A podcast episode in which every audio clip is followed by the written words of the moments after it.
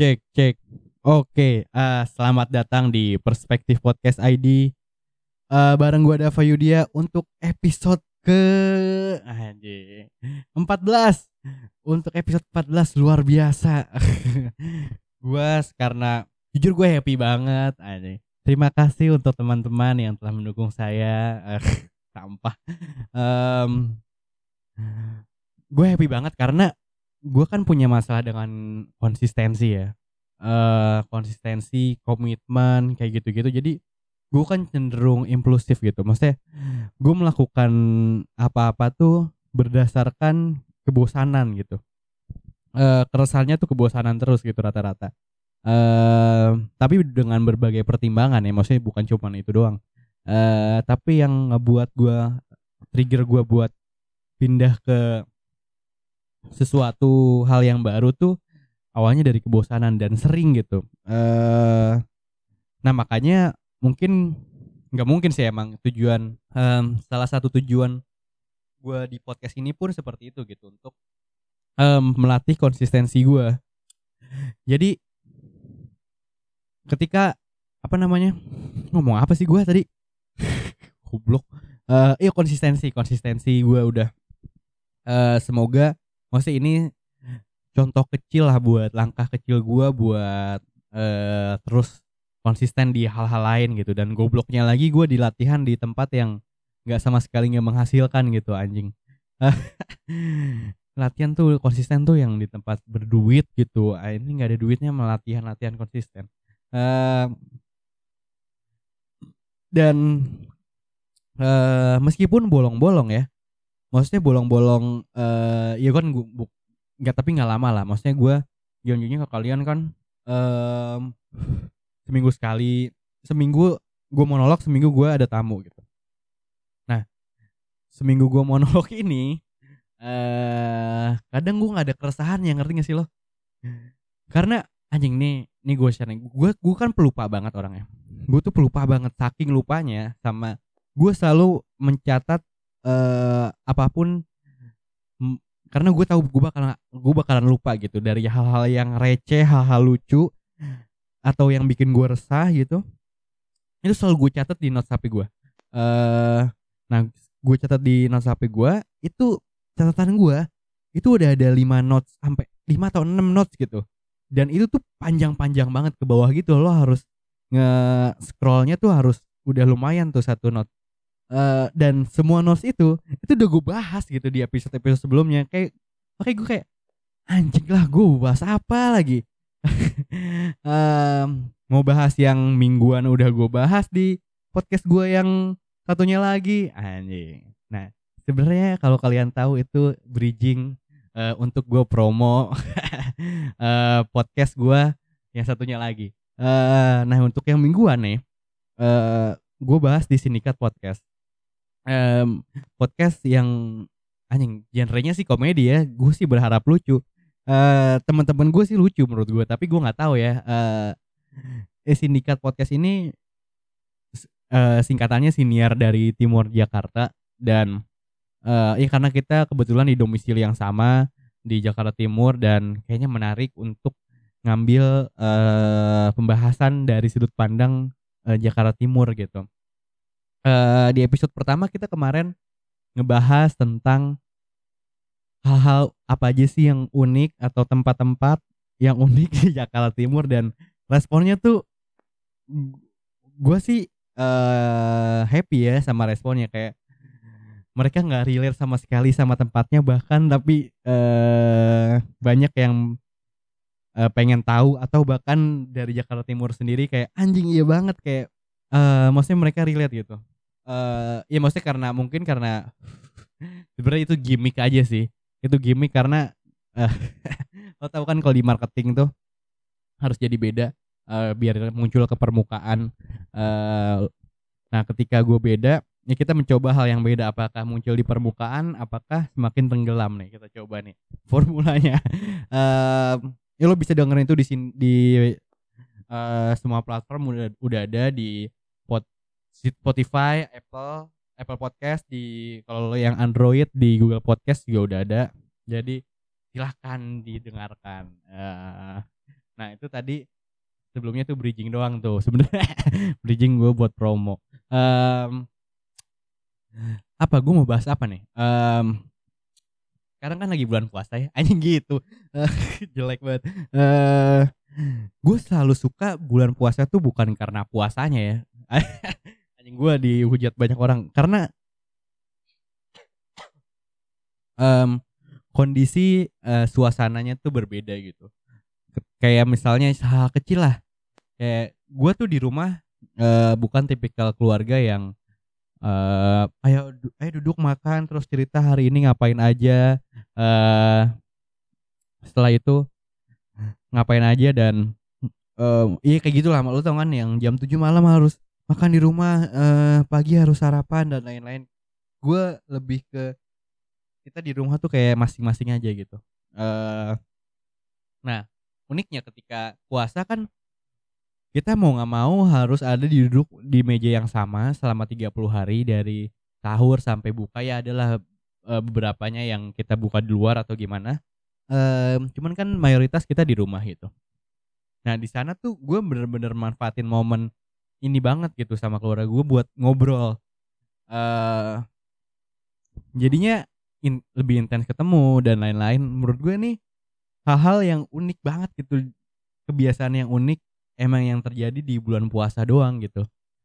Kayak misalnya sebulan pertama uh, iya mesti gue gue udah pas lah.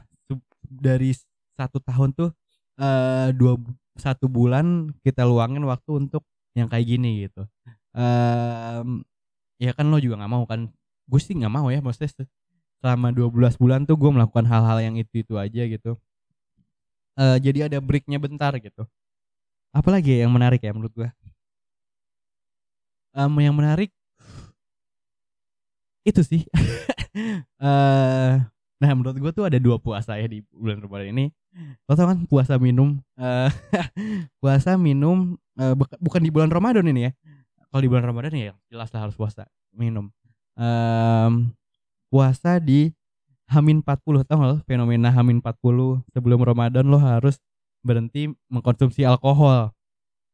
Nah, lo ketika lo berhenti mengkonsumsi alkohol uh, di Hamin 40, menurut gua sulit karena anjing lo so, pemabuk banget sih. Enggak bukan gitu maksudnya.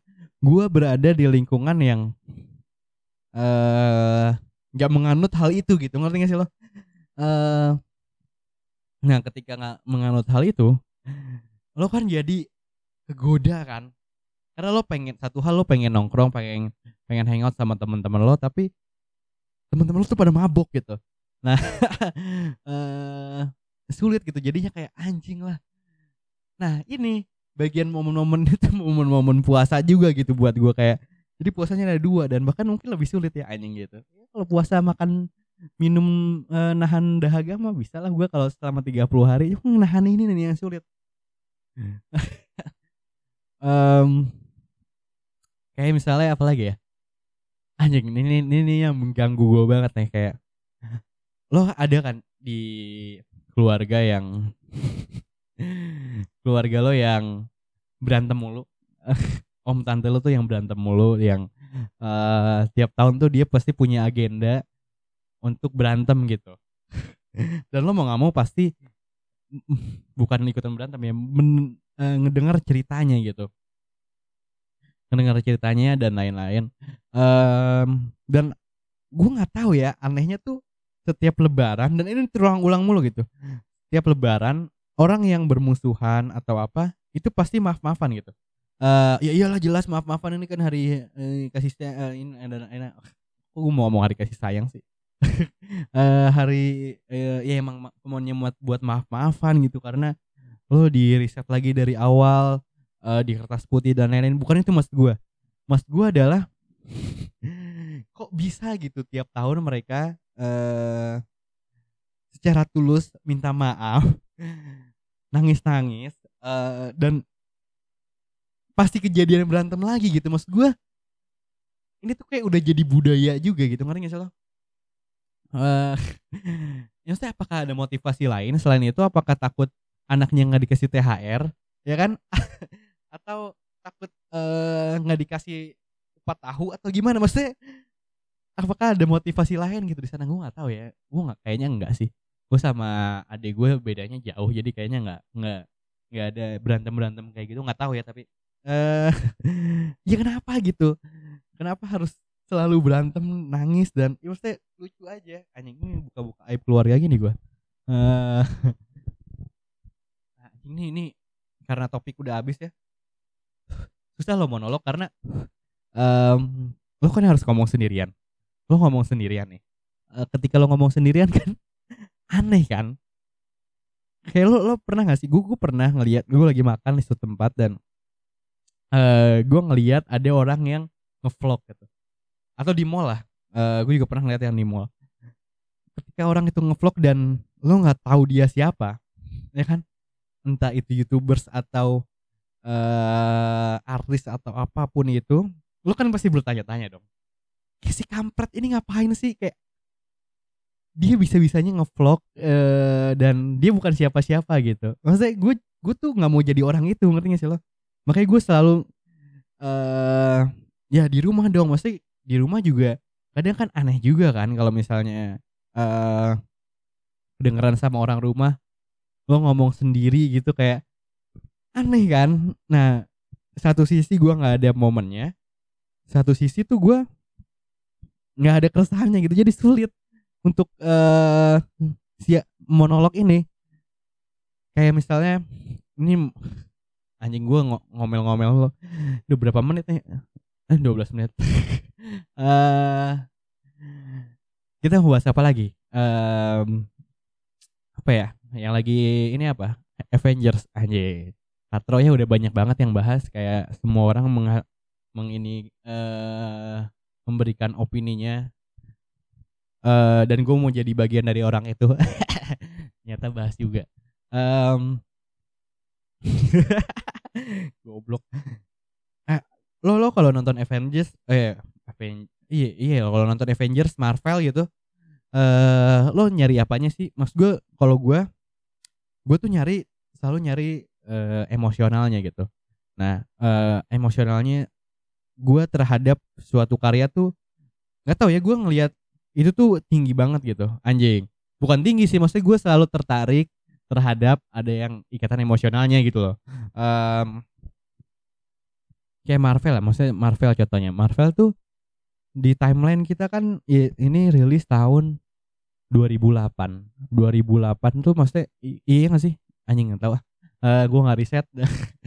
Uh, iya tahun segitulah. Udah intinya gue itu berkembang timeline gue berkembang dengan uh, besar dengan timelinenya mereka gitu. Jadi gue ngerasa jadi bagian dari uh, film ini juga gitu. Anjing bu bukan bagian ya kayak kesannya kru film. Uh, menjadi ya di timeline itu gitu. Nah ketika gue uh, ada di timeline itu gue tuh selalu ngerasa ada anjing uh, kayak nggak tau ya gue sense of belonging gue tuh tinggi gitu buat hal-hal kayak gini. Uh, dan menurut gue pun ini yang menyebabkan ya nggak tahu ya kalau bisa ngegeser Titanic itu karena ini juga bukan apa karena gue gue tuh ngelihat Avengers tuh bukan karena um, dia superhero dan terbang sana terbang sini atau uh, lo tau kan uh, Chris Evans ganteng banget gitu kayak uh, badannya Chris Hemsworth kayak ganteng banget cewek gue sepanjang film dia cuman uh, ngomong ganteng terus menerus ke uh, setiap ada scene si Chris Evans aja. Ya emang ganteng sih cuman kayak anjing lalu masa nggak ngeliat di apa uh, ada hal yang lebih menarik apa? Hmm. Nah, gue tuh gak melihat itu gitu gue selalu melihat buah karya yang menurut gue emang patut buat bukan patut ya kesannya gue siapa gitu ya gue selalu tertarik kepada ada hal-hal yang emosionalnya buat gue gitu dan Avengers ini menurut gue pasti pertamanya tuh uh, diakhiri dengan pas gitu maksudnya secara timeline ya. Kayak lo kan tahu kan ada film-film yang maksa untuk terus menerus ada sequelnya karena ini laku gitu. Misalnya Fast Furious gitu. Fast Furious tuh menurut gue ini tuh harusnya udah selesai pas uh, Paul Walker meninggal. Iya gak sih? Dan gue tuh suka banget gitu sama Fast Furious karena itu tadi dia juga ada ikatan emosionalnya gitu sama gue dari uh, Fast Furious pertama sampai 6 ya kalau nggak salah Paul Walker. Gue tuh fans banget gitu sama Fast Furious karena Hmm, nah pas Paul Walker meninggal, anjing. Itu mungkin satu-satunya uh, orang di luar keluarga gua yang gua men yang dia meninggal dan gua ngerasa sedih karena uh, kayak dia tuh keluarga gua gitu kayak misalnya pas Paul Walker meninggal tuh gua kayak anjing bener-bener mau nangis loh gua kayak eh ya kayak gitulah. Maksudnya saking gue emosionalnya sama film itu gitu.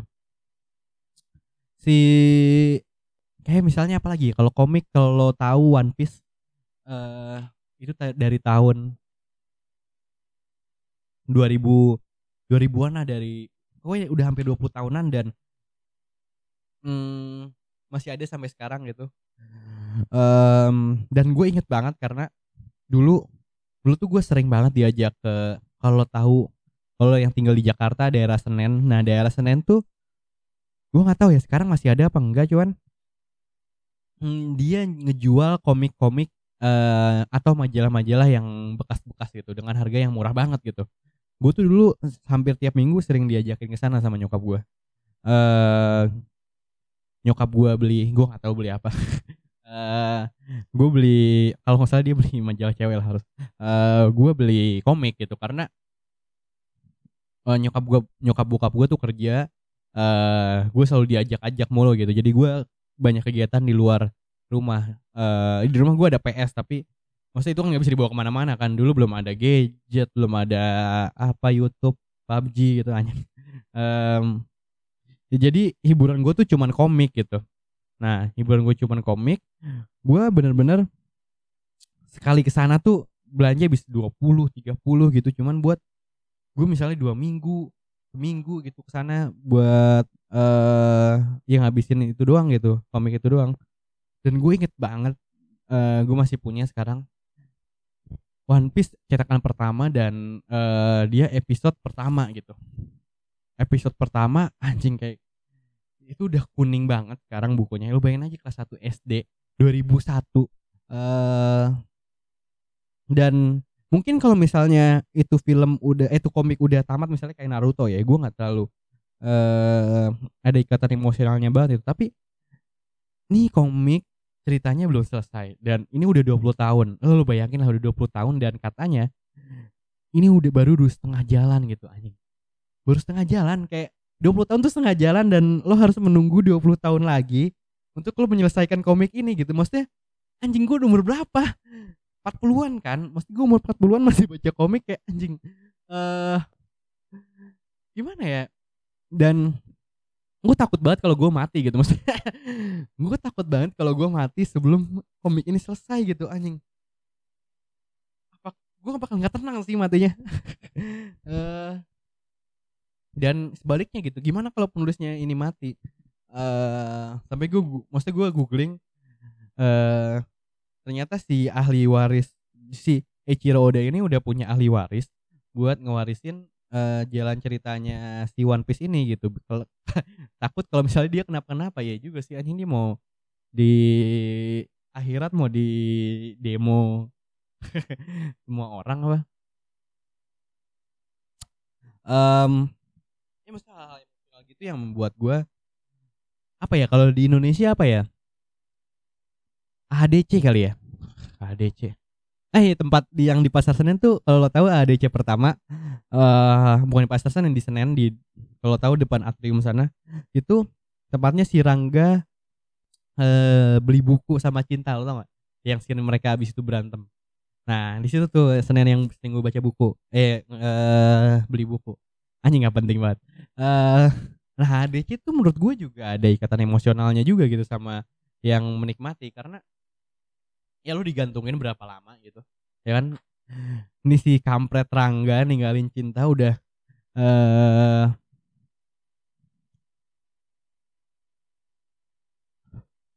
tiba-tiba cabut terus nggak ada kabar gitu-gitu kan? Lo pengen tahu kan kelanjutan ceritanya gimana dan cu terakhir cuma dicium doang. Nah menurut gue kalau mau cewek cewek tuh sayang banget sama lo kayak gitu tuh. Anjing. Eh, lo cium terus lo pergi gitu. Kayak ah, ke mana kemarin? Kok dia cium gua? Anjing. Eh apakah dia memanfaatkan gua doang? Eh apakah dia emang brengsek? Anjing. Lah. Em, iya kayak gitu gitulah. Apalagi ya? Oh warkop, warkop, warkop tuh juga gila sih. Maksudnya eh sampai ada rebornnya kan dan masih kalau nggak salah di masih penonton terbanyak di Indonesia. Gue nggak tahu Dilan nyalip nyalip itu apa enggak. Em, jadi eh ya meskipun banyak yang kritik kayak ini nggak mirip apalah anjing. Anjing lo mau semirip apa? lo mau semirip eh kasih nama Dononya udah mati gitu masa lo mau semirip apa lagi mereka udah film eh aktingnya jago banget gitu emang kadang kadang netizen ini nggak puas eh egonya tinggi banget gitu anjing. Semuanya harus menurut dia paling ideal idealnya menurut dia anjing. Udah berapa menit anjing? Anjing 20 menit. Eh isinya cuma ngomel-ngomel doang. Eh udah itu aja daripada gua ngomel-ngomel mulu. Eh eh selamat menjalankan puasa ya eh teman-teman semua. Eh eh ditahan-tahan dulu nafsunya ditahan nafsu makan dan lain-lain. Eh didengerin podcast gue yang baru semoga lo juga pada suka eh di Sindikat Podcast. Eh udah itu aja. Eh di follow instagramnya. Anjing ini ini juga nih mengganggu gue banget nih. Gue kan me- kita megang eh data pendengar oh bukan data pendengar nomor eh, numbersnya doang sih kayak total playnya doang. Gue kan megang ya. Eh, dan yang visit instagram juga kita megang maksud gue kenapa sih orang-orang tuh ada keresahan untuk followingnya nggak mau lebih gede daripada followers yang ngerti sih lo? Eh, dan dia selalu menjaga itu gitu. Gue tuh aneh banget gitu sama orang-orang kayak gitu sampai dia bikin second account eh buat belanja online shop gitu buat lihat kayak fuck man anjing lo itu nggak penting gitu maksudnya balancing dari kedua hal itu tuh nggak penting yang lebih penting tuh balancing pengeluaran dan pemasukan lo gitu. Ya kan? I, maksudnya lo prioritasnya harus jelas gitu.